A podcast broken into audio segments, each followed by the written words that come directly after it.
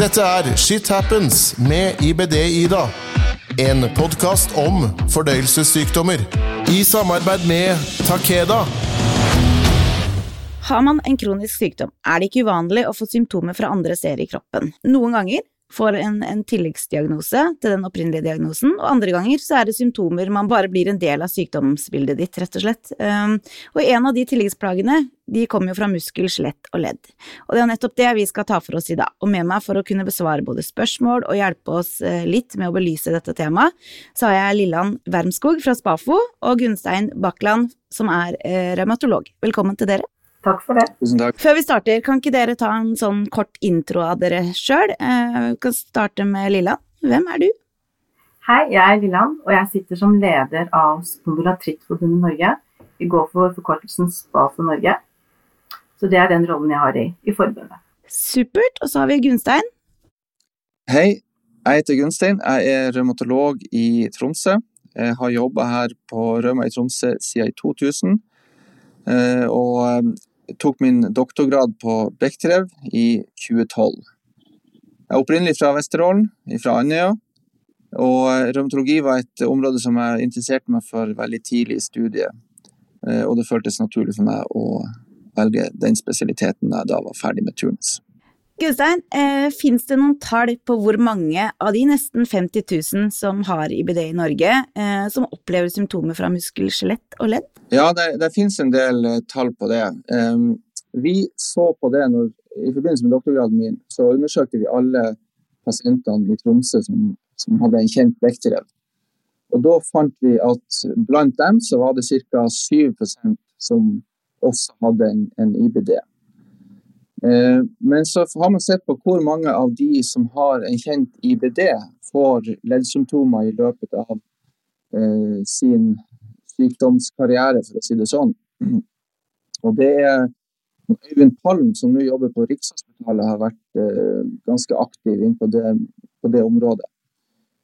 Og da har man sett at totalt sett så er det sånn mellom 25 og 30% som får leddsymptomer i varierende grad, eh, men som har det eh, i forbindelse med sin informatoriske tarmsykdom. Og noen av dem får det vi kaller for perifere artritter, altså de får hevelse f.eks. i kneledd eller i en ankel.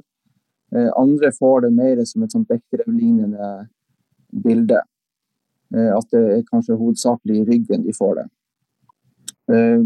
Og så har du da og de som kan få betennelser i områdene som senene fester seg på bein. Det kalles for en entesitt.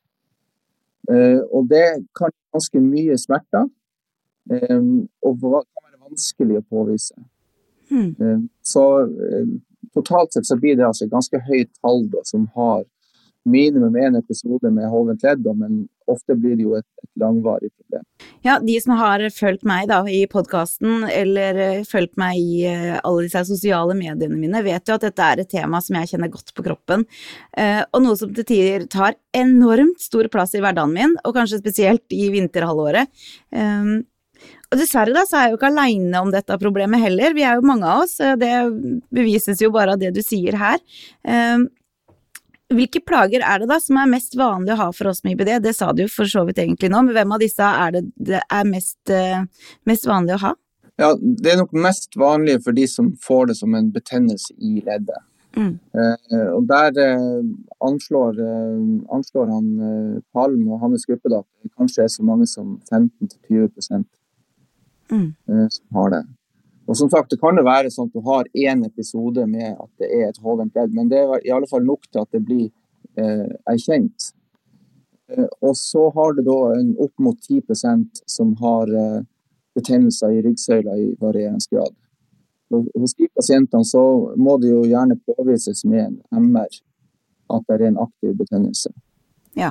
Um, og da går vi liksom over i det her Bechdrev-lignende uh, uh, bildet.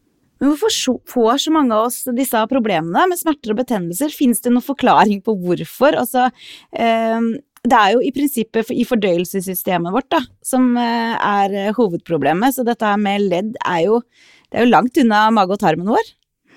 Ja, man skulle kanskje tro at det var det, men, mm. men faktisk er det sånn at uh, For det første så deler man en del gener. Så det er en del av de samme genene der du har fått mutasjoner påvist hos de som har IBD, hos de som har psoriasis og hos de som har Bechdel. Så det, er et, et, tema, da.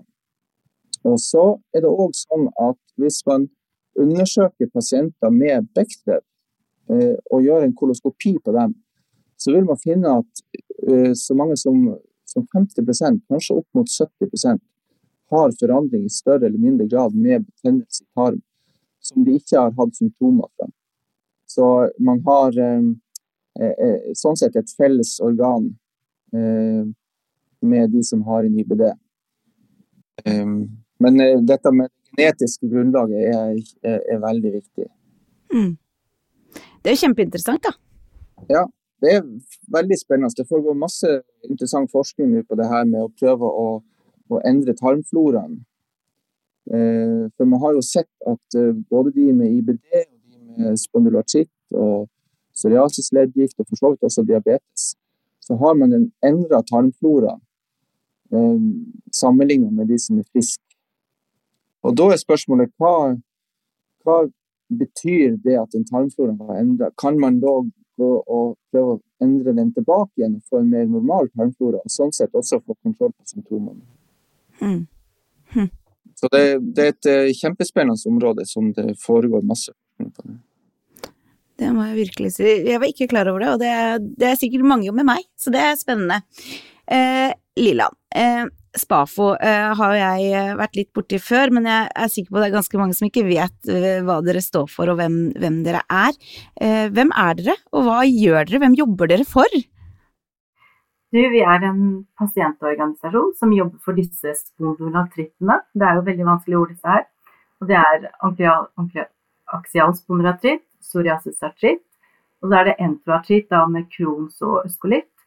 Og så er det også for barn og unge. Og vi, og vi jobber interessepolitisk, vi har en likepersonstjeneste. Men det vi er aller mest opptatt av, det er jo kunnskap. For vi tror jo at med god kunnskap om sykdommene, så tar du bedre valg over din egen helse. Det er liksom vår store greie, da. Mm. Den er jeg enig i, eh, for å si det sånn. Eh, det, det, er jo kjempeviktig. Jo mer kunnskap man har, jo mer eh, trygg blir man også i sin egen sykdom. Så det, ja. Eh, og så er det jo sånn at dere har likemannstjeneste hvor, hvor, fortvilte og sikkert eh, eh, ja, kanskje redde også pasienter tar kontakt. Har dere hørt noen Tar IBD-pasienter kontakt med dere? Altså det som går igjen litt hos oss, da, det er at folk har begynt med mage. Og så tror jeg ikke de skjønner helt at de, de får det her med ledd. Jeg tror ikke det er så lett å skjønne alt som skjer med kroppen når man har disse sykdommene.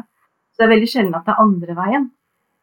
Men da ringer de inn og så lurer på er det vanlig at jeg også har vondt i muskel og skjelett, og at man opplever de symptomene. Og da er det viktig at man altså, hvis vi går til nettsiden vår, les på symptomene, ta deg en prat med legen.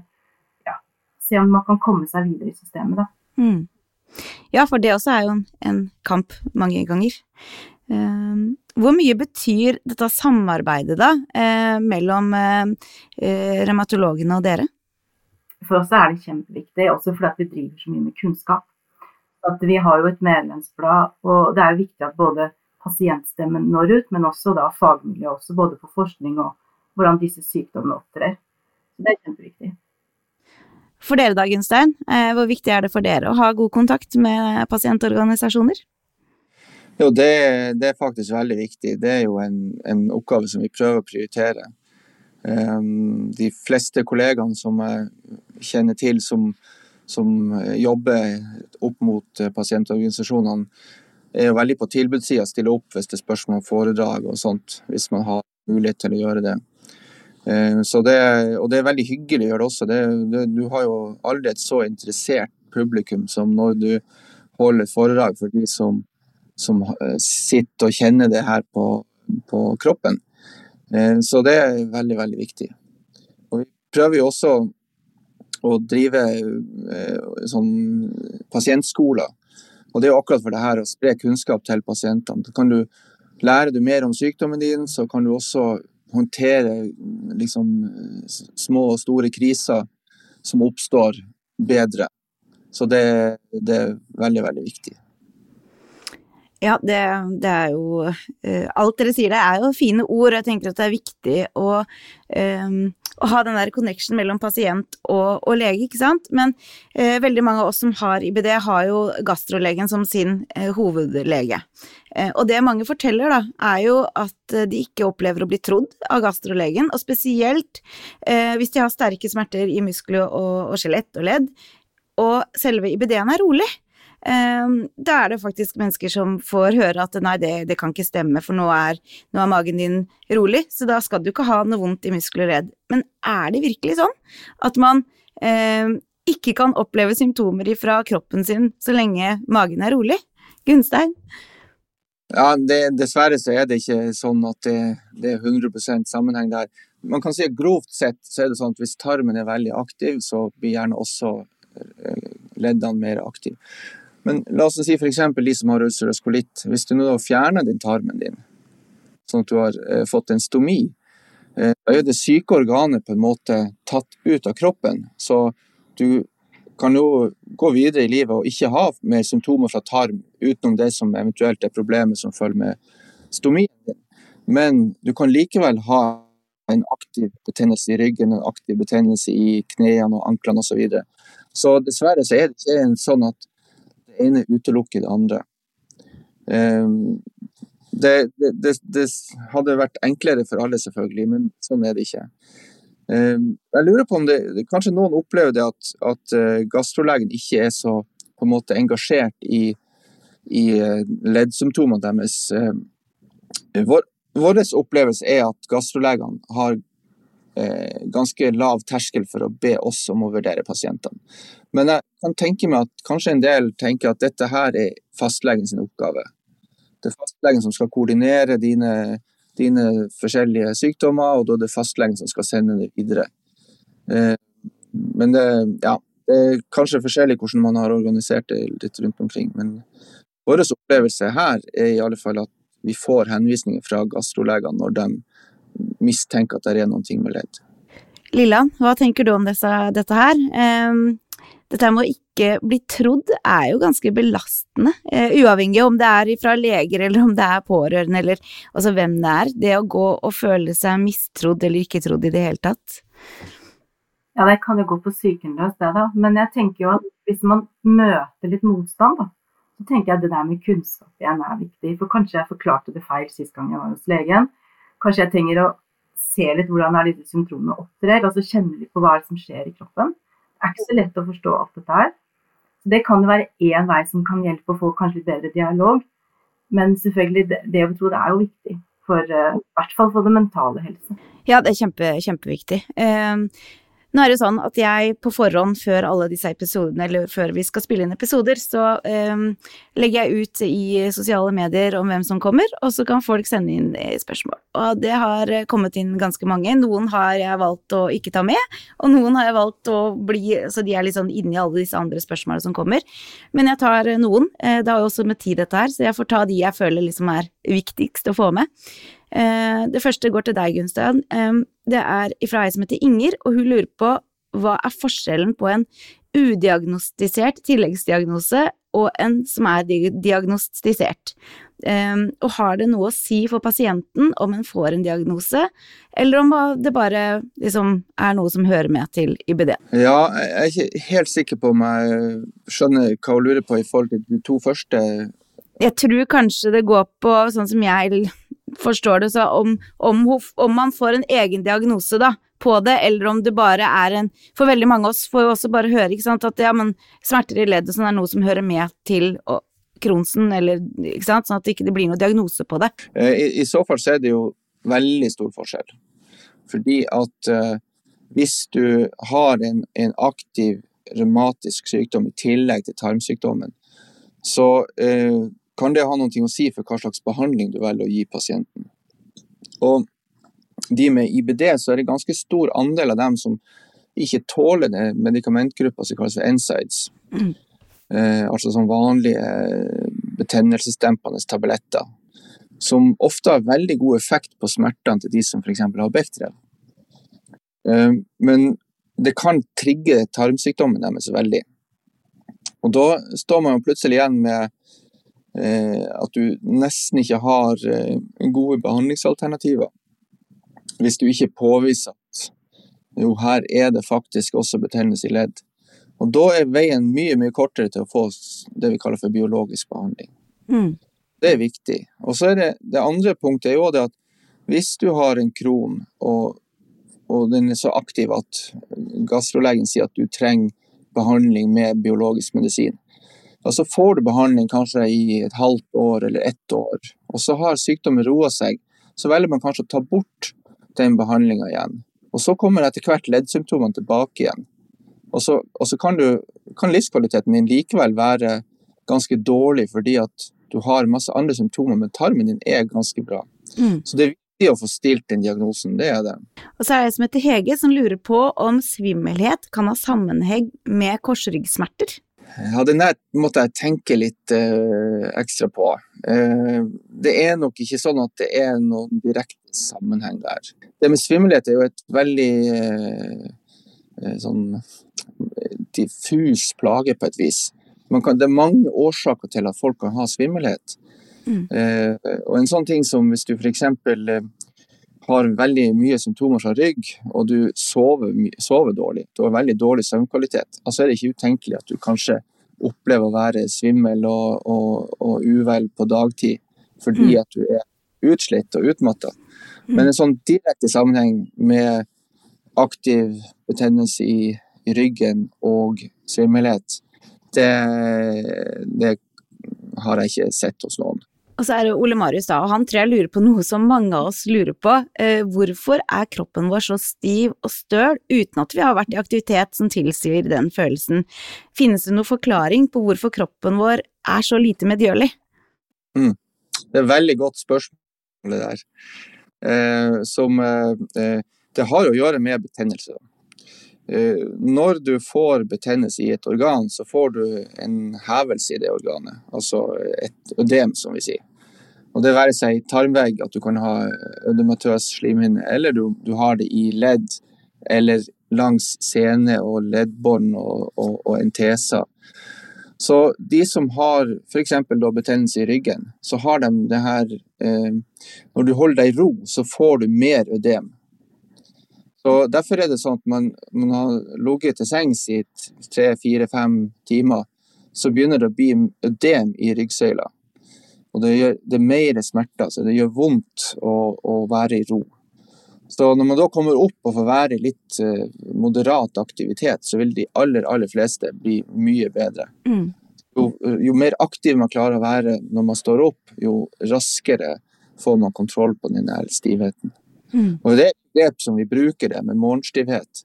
Så hvor lang tid tar det fra du står opp til at du, kroppen din er blitt så myk som kroppen din kan bli? Mm. Da er det en sånn eh, eh korrelasjon, en sammenheng til hvor aktiv er sykdommen din. Mm.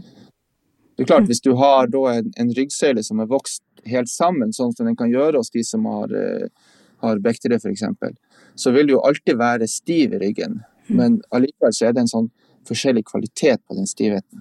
Mm. Eh, som, eh, som, har sammenheng med det at man har vært lenge i, lenge i ro, og der er mer ødem i de strukturene.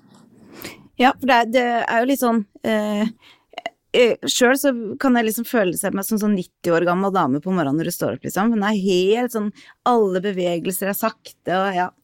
Og så er det Anita, da. Hun lurer på eh, hvorfor smertene kan vandre fra ledd til ledd? Ja, det er også et godt spørsmål. Eh, og eh, hos de som da har eh, Hvis det er raske endringer, da.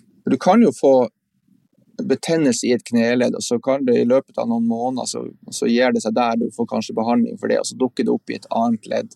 Og så går det noen måneder eller uker før du får behandla det. og så at det, Sånn kan vandre. Men hos de som opplever at det liksom nærmest fra dag til dag så skifter det fra et område til et annet område, så kan det ha å gjøre med disse entesittene, altså betennelsene der som senene fester seg i bein. Og det, det kan delvis være relatert til belastning også. Eh, men da kan det flytte seg litt eh, mer rundt, at det ikke sitter så veldig lenge i på hver plass. Og så er det Stian, da. Han eh, spør om noe som du har vært litt inne på. Han sier at bevegelse er viktig for å holde smerten i sjakk. Hvorfor er det sånn at smerten blir mindre av å gå? Det har du egentlig fortalt. Han forteller også at han på dårlige netter er oppe fire til seks ganger bare for å gå smerten bort. Eh, mm. Dette var tydeligvis noe du, du har hørt før, eh, og jeg tror noe mange av oss som sliter med dette her, er kjent med. Ja, altså det går på det her med, med det ødemet som jeg snakka om. og mm den aktive betennelsen som, som, er i de organene.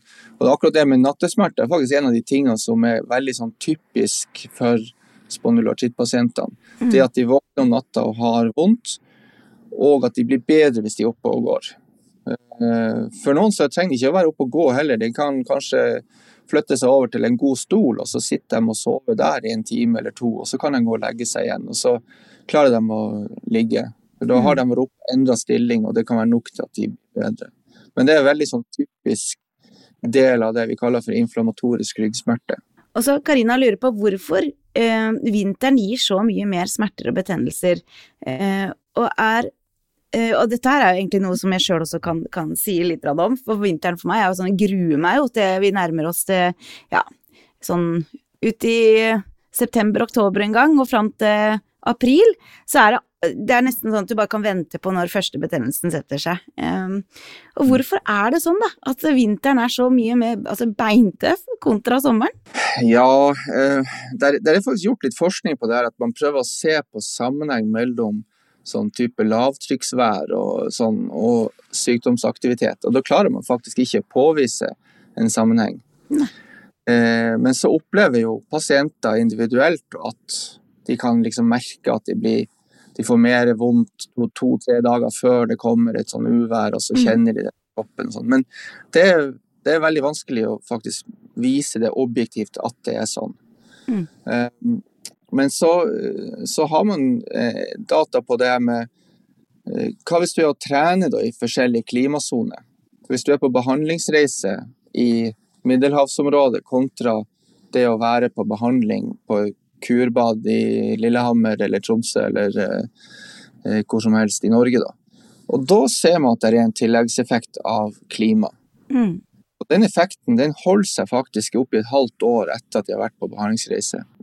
De fleste som har eh, leddsmerter, altså om det er artrose i fingre og hofte, og, eh, så, så, så, vil man faktisk oppleve det at man blir bedre når det er et varmt og tørt klima.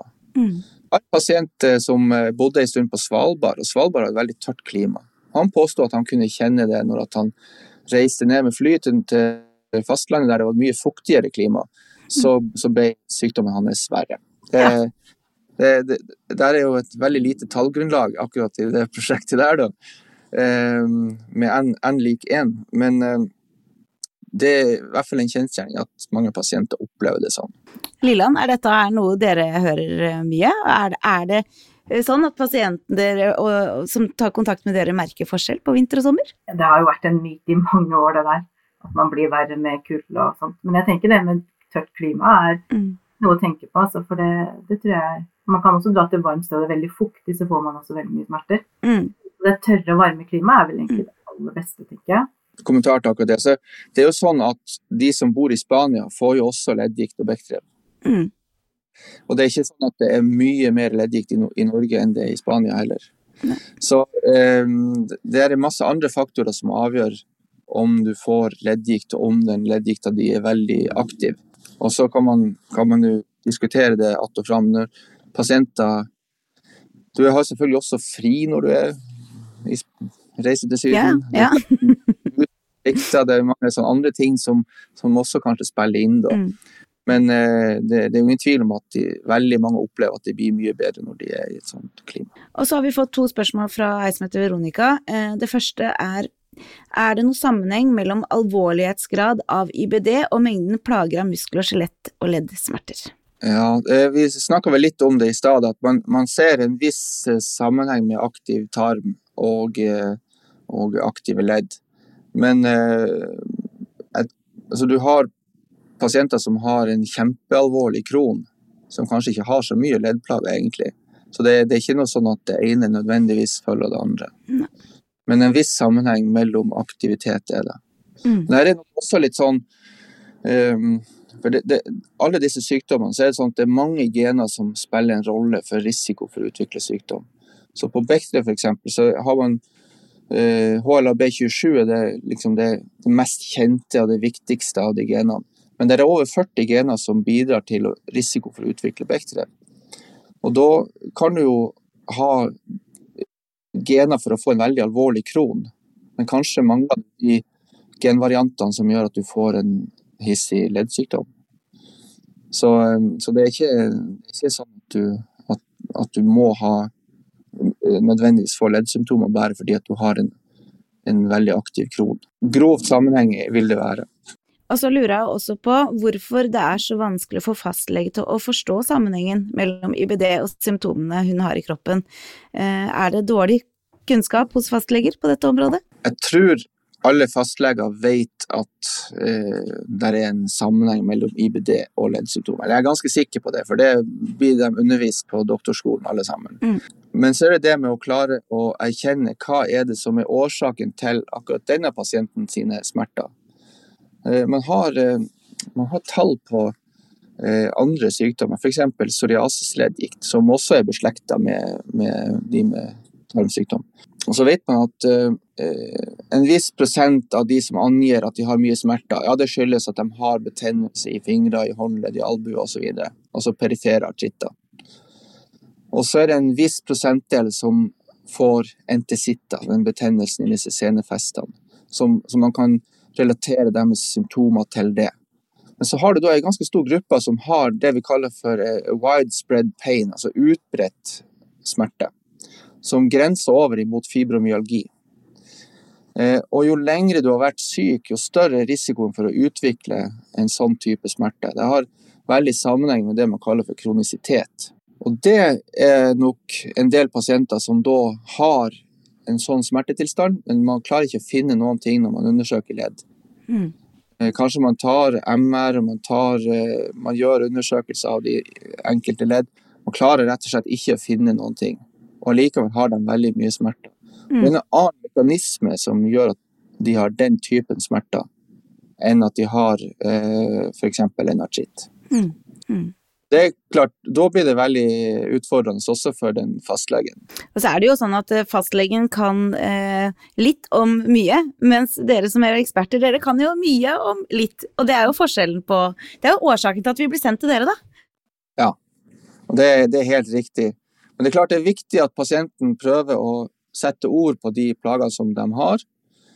Eh, det er kjempefint hvis pasienten med IBD kommer til fastlegen og sier at eh, nå har jeg lest om at de som har min diagnose, ofte kan få smerter ute i, i fingerleddene, og at de kan ha noe som heter endesitt. Mm. Jeg tror det passer på det som jeg har. Veldig fint at du gir fastlegen et kraftig hint eh, om det. Eh, og så, så, tenker jeg at eh, i hvert fall som personlig så tenker jeg ikke at pasienten lyver til meg. Ikke sant?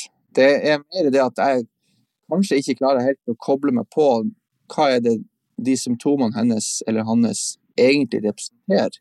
Ja. Uh, det, det, det sitter langt inne å tenke at de mistenker den pasienten for å lyge. Ja, det får vi håpe det er få. Ja. Og så har jeg et spørsmål eh, som jeg eh, personlig har lurt masse på. Eh, og det går på hvordan lindre disse her smertene man har.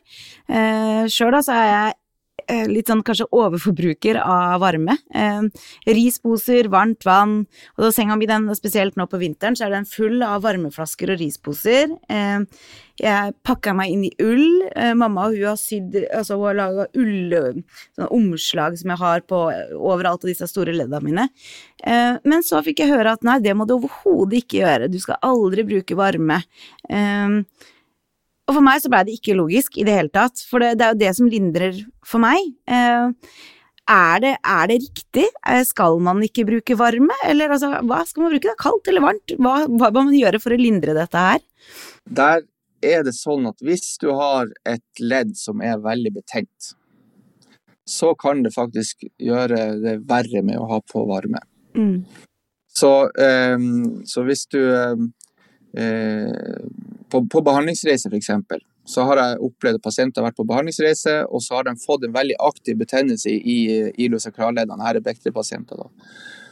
Og på noen av disse sentrene så har de brukt veldig mye som varmepakning. Det er, så, det er sånn at du nesten ikke klarer å ha det på huden din. Og da har det gjort deres symptomer mye verre. Mm. Bidrar du til å øke det ødemet, den hevelsen som vi snakker om. Eh, og den pasienten vil ha bedre av å få et isomslag. Ja. Legge på en ispose. Men så har du pasienter som har kanskje litt artrose i leddene sine, eller det er en del sene og sånt som er, kan være eh, litt skada. Eh, som opplever at når de får på varmepakning, så lindrer det faktisk veldig godt. Mm. Og da er det sånn at det som Hvis du har på varmepakning, og du opplever at det gir deg veldig god lindring, altså er jo det riktig for deg å bruke det. Så her er det rett og slett hva som passer eh, deg, og jeg tenker at man bruker jo ikke varme hvis det gir mer smerter, ikke sant. Sånn at man gjør jo det fordi det, det gir en, en lindring. Eh, men det, det, var nyttig. Takk. For eksempel starte dagen med en lang, varm dusj. Eller sette på badstua, gå og sette seg i badstua før dagen starter. Fordi mm. at de syns det lindrer. Så, og da, da, da kan man jo ikke si at eh, Nei, det lindrer ikke. Nei, ikke sant. Ja. Lilland, nå har du hørt uh, disse spørsmåla eh, som har blitt sendt inn. Er dette her noe du har hørt før? Ja, absolutt. Det går igjen. Så mm. mange er nok opptatt av det med hva, hva er best lindring, mm. eller kaldt eller varmt, liksom. Det er ikke så lett å forstå. Men det med aktiv betennelse, så er det faktisk viktig at de ikke får for varme slag. Altså, for mm. da, da blir det bare verre. Det bare blusser opp. Mm. Så, så, det er jo vite alt dette her, og det er ikke så lett. Nei, det er ikke det. Og du var litt innom på dette med behandlingsreiser. Um, og mange har jo stor nytte av dette her. Uh, tenker dere at flere burde hatt uh, muligheten til å, å, dra på dette? Den er litt til begge to, så dere kan velge, kan slåss om hvem som skal starte å svare. Lilleand, da. Ja, eller Gudsted, eller ja, kjør på. Jeg kan godt starte, jeg. Ja. Det går greit, det. Altså, jeg, da kjenner jo vi mest til det med ampliserende spondylitt og psoriasisartritt hos de pasientene som vi fronter. Og der er jo det med behandlingsreiser veldig bra. Og at man da får fire uker med trening i varmt klima. Og det betyr jo mye at man kan stå i jobb når man kommer hjem, og man, man får en bedre livskvalitet ut av et sånt opphold. Men jeg tenker jo at andre sykdommer skal sjekkes på, så må man jo ha kunnskap om det virker, da. Mm. Eh, jeg vet ikke om Gunstein vet noe mer om det enn meg. Jeg vet jo mest om de sykdommene vi fronter. Ja, Der er jo eh, noen andre sykdomsgrupper som får samme tilbudet. Altså F.eks. de som har kun psoriasis, kun hudaffeksjon. det har man jo brukt i mange mange år, og det er veldig godt dokumentert at uh, sol og saltvann det funker kjempebra. Mm. Jeg tror astmapasientene også får et sånt tilbud, og at man har dokumentert det. Så vet jeg ikke om det finnes noen sånn type dokumentasjon på de som f.eks. har en isolert sett kun IBD. Det, mm. det tviler jeg vel på at det er Nei. Men hvis du har en, det som da heter en enteroassosiert artritt, altså Crohns sykdom med artritt, så, så, er det nok til at du vil kunne få sånne behandlingsreiser. Mm.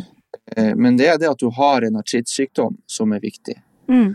Eh, så vi har hatt pasienter med andre dramatiske sykdommer som har hatt mye leddverk, og som ikke får den reisen. F.eks. SLE eller lupus.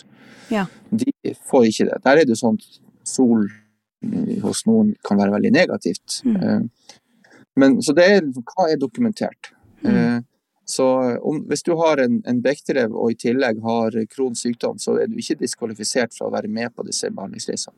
Nei, ikke sant. Eh, men hvis at sykdommen din i tarm er så aktiv at du ikke kan nyttiggjøre deg oppholdet, så er det da er det, det, er det andre forhold som mm. gjør at du ikke drar. Man er ikke utestengt fra å få delta på det. Og det er viktig info. Ja, det, det er klart det er viktig. Mm. Og det er sånn at de plassene her fylles jo opp alltid, hvert år. Mm. Eh, noen opplever det kanskje som urimelig at de ikke får, mens de kjenner noen som reiser nesten hvert år. Sånn, eh, den diskusjonen mm. tror jeg har gått i, i 40 år. Eh, men veldig veldig godt utbytte for de som reiser ned, og som, som klarer å nyttiggjøre seg av det. Og så For å fortsette litt på dette sporet med hjelpemidler, for det er jo veldig mange av oss som sliter veldig i hverdagen. Det kan være alt ifra knepping av knapper, tørke seg etter dobesøk, åpne flasker, knytte sko, altså det er veldig mange sånne ting som kan bli problematisk. Eh, Fins det hjelp å få? Eh, ja, altså vi har jo pleier å lage noen artikler på dette her, vi da, i medlemsbladet vårt. Vi har vel også en artikkel som ligger på nettsiden. Men det er jo små hjelpemidler da, som gjelder for de, de sykdommene vi fronter. Mm. Uh, og hvis du har en diagnose som ligger hos Nav, så kan man søke selv. Men du kan også få hjelp av ergoterapeut, fysioterapeut. Uh, men hvis man er litt usikker på det, så har vi laget en sånn trimgreie i en artikkel som ligger på nettsida, som man kan følge da, for å søke på sånne ting.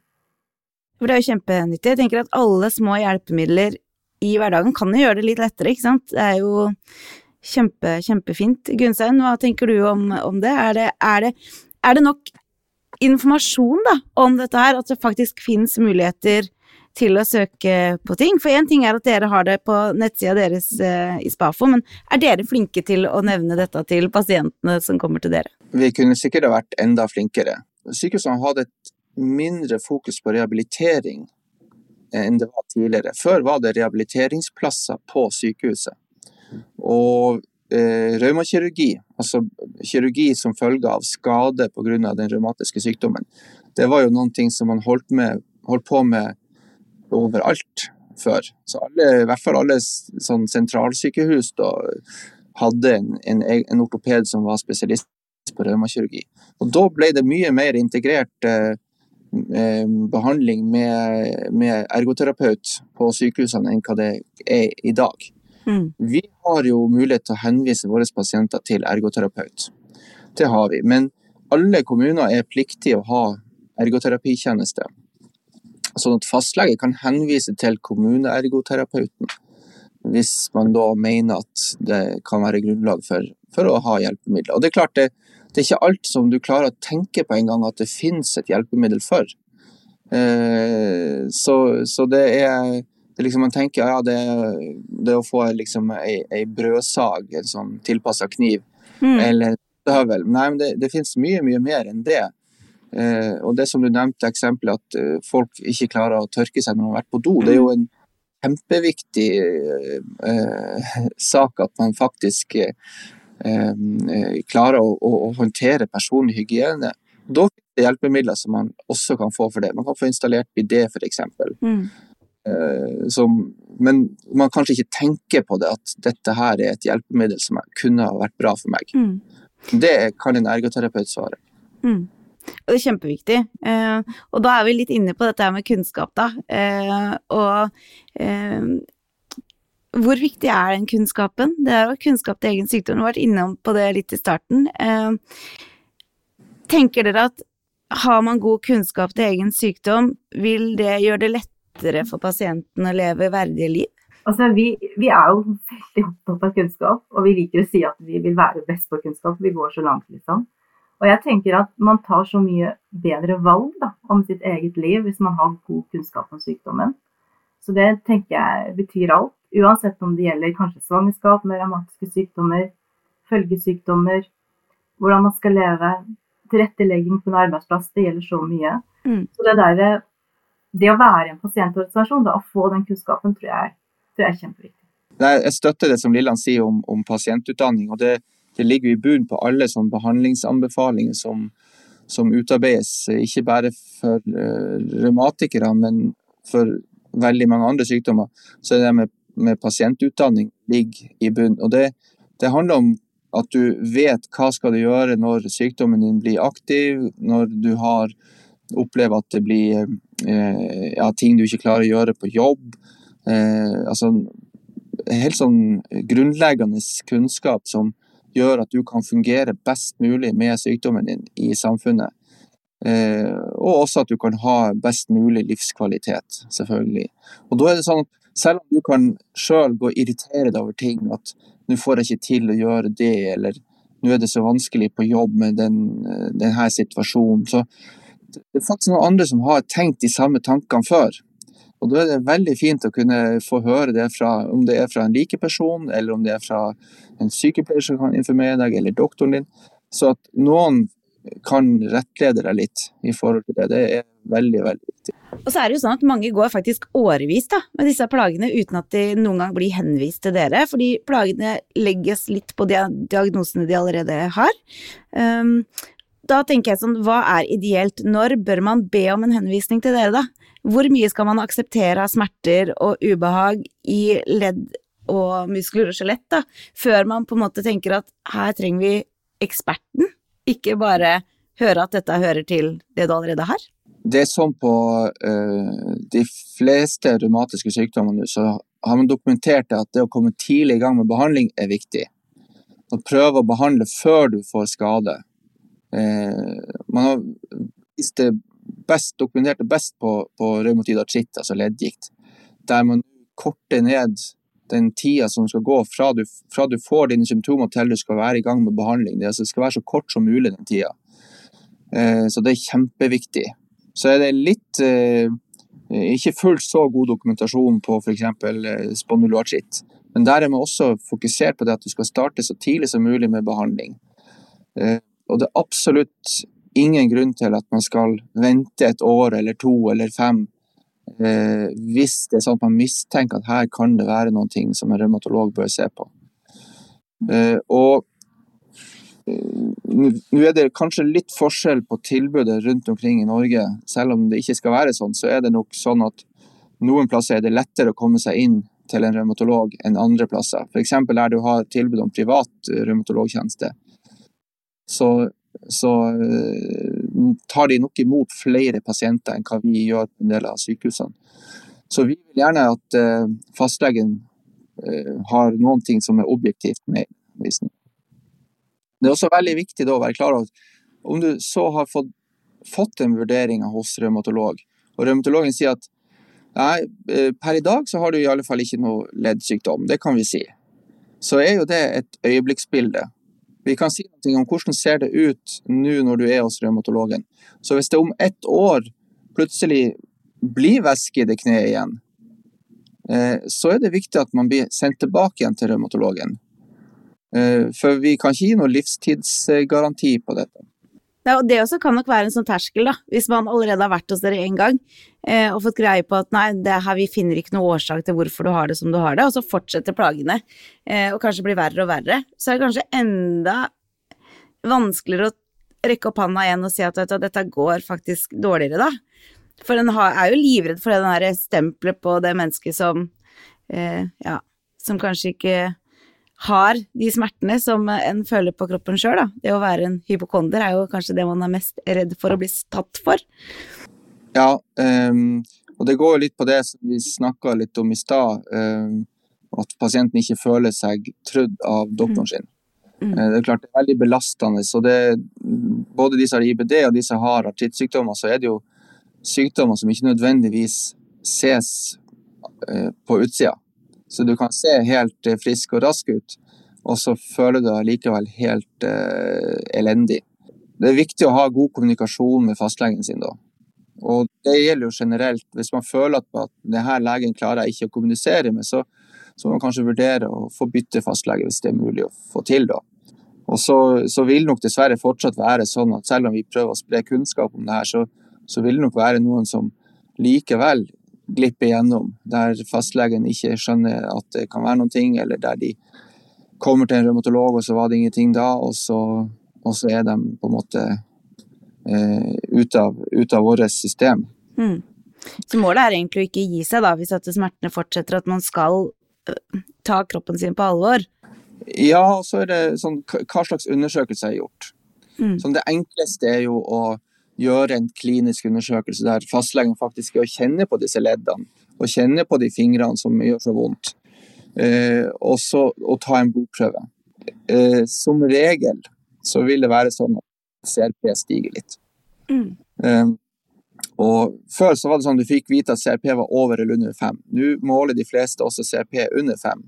Det er klart det er forskjell på å ha CRP på 1, som er helt normalt, og ha CRP på 4, som betyr at der er det faktisk litt betennelse. Mm. Det ser vi i hverdagen hos oss. Så da har du gjort to veldig enkle undersøkelser. Mm. Uh, hvis du fortsatt ikke har fått en løsning på det, her, ikke fått en forklaring på hvorfor gjør det så fryktelig vondt i den handa der, så kan man jo henvise til MR, f.eks. MR er en veldig god undersøkelse for å se etter betennelser. Mm. Så kan man få noen svar på det. Så det, det finnes ting man kan gjøre, man kan gå videre med. Eh, selv om at, eh, at fastlegen kanskje ikke helt skjønner hvorfor det gjør så vondt i den hånda.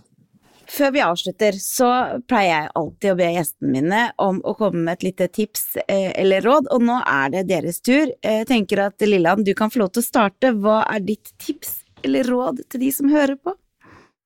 Jeg tenker at jeg må gå litt på det med kunnskap igjen, da. For jeg tenker det er så viktig. Og så er det også faktisk bevist at hvis man har en tilknytning til en pasientorganisasjon, så lever man bedre også med sykdommen. Og da går det jo litt på det her med fellesskapet også. At man er ikke alene om alle disse utfordringene. Eh, og at man da tar faktisk bedre valg over sin egen sykdom. Og så tenker jeg at vi har et lavterskeltilbud, eh, Likepersonstjenesten. Eh, og den kan alle ringe inn på. Du trenger ikke være medlem. Du, trenger, du kan også være pårørende og ringe inn. Du kan sende mail, eller du kan ringe. Og det tenker jeg også er litt viktig hvis man lurer på litt ting, eller står litt fast, eller trenger å snakke med noen. Et godt tips. Nå er det din tur, Gunstein. Ja, det, er jo, det, er jo, vanskelig å plukke ut ett godt tips, da. Eh, for man vil jo helst eh, svare på det akkurat den pasienten lurer på, da. En ting som jeg eh, har tenkt på eh, ganske ofte, da. Det er når pasienter er i kontakt med Nav, så opplever de ofte veldig stor frustrasjon. Eh, og da er det viktig at du husker på at Nav eh, er et system som skal hjelpe oss alle sammen. Og Det betyr at når du som individ kommer inn på Nav, så kan det være litt vanskelig at du når fram med akkurat din historie. Og så skjærer det seg litt. Man opplever at det var veldig vanskelig til å møte med Nav. Så mitt råd er at du, eh, når du er hos Nav, så husk på at det er ikke deg personlig som denne saksbehandleren Eh, eventuelt har et problem med. De må forholde seg til et regelverk, og dessverre må vi alle sammen finne oss i å bli vurdert etter det regelverket. Så prøv å holde en god kommunikasjon med den saksbehandleren din på Nav. Så kan du spare deg utrolig mye frustrasjon eh, i din eh, pasientkarriere. Det var et eh, fint råd. Eh, og det er jo liten tvil da, om at dette er et tema som engasjerer. Alle har vi jo kjent på dette i kroppen i større eller mindre grad. Dette med vondt, ikke sant, men når det da blir eh, fort kronisk, så er det kjempetøft. Og når kroppen da ikke står til forventningene og ønskene vi har til den, så er det tøft både fysisk og psykisk. Um, tusen takk for at dere har tatt dere tida til å stille opp her i dag. Deres kunnskap bidrar jo til trygghet, noe som sårt trengs hos mange av disse uh, pasientene. Tusen takk, både Gunstein og Lilland. Bare hyggelig. Bare hyggelig. Takk for at du fikk komme. Om du som hører på ønsker informasjon om dagens episode, så ta kontakt på Kronsglede alfakrølloutlook.com. Der kan du også henvende deg med ris og ros, tips til tema, gjester du ønsker, eller om du har noe annet du lurer på. Jeg driver også som IBD-rådgiver, og mer informasjon om mine tjenester får du også der.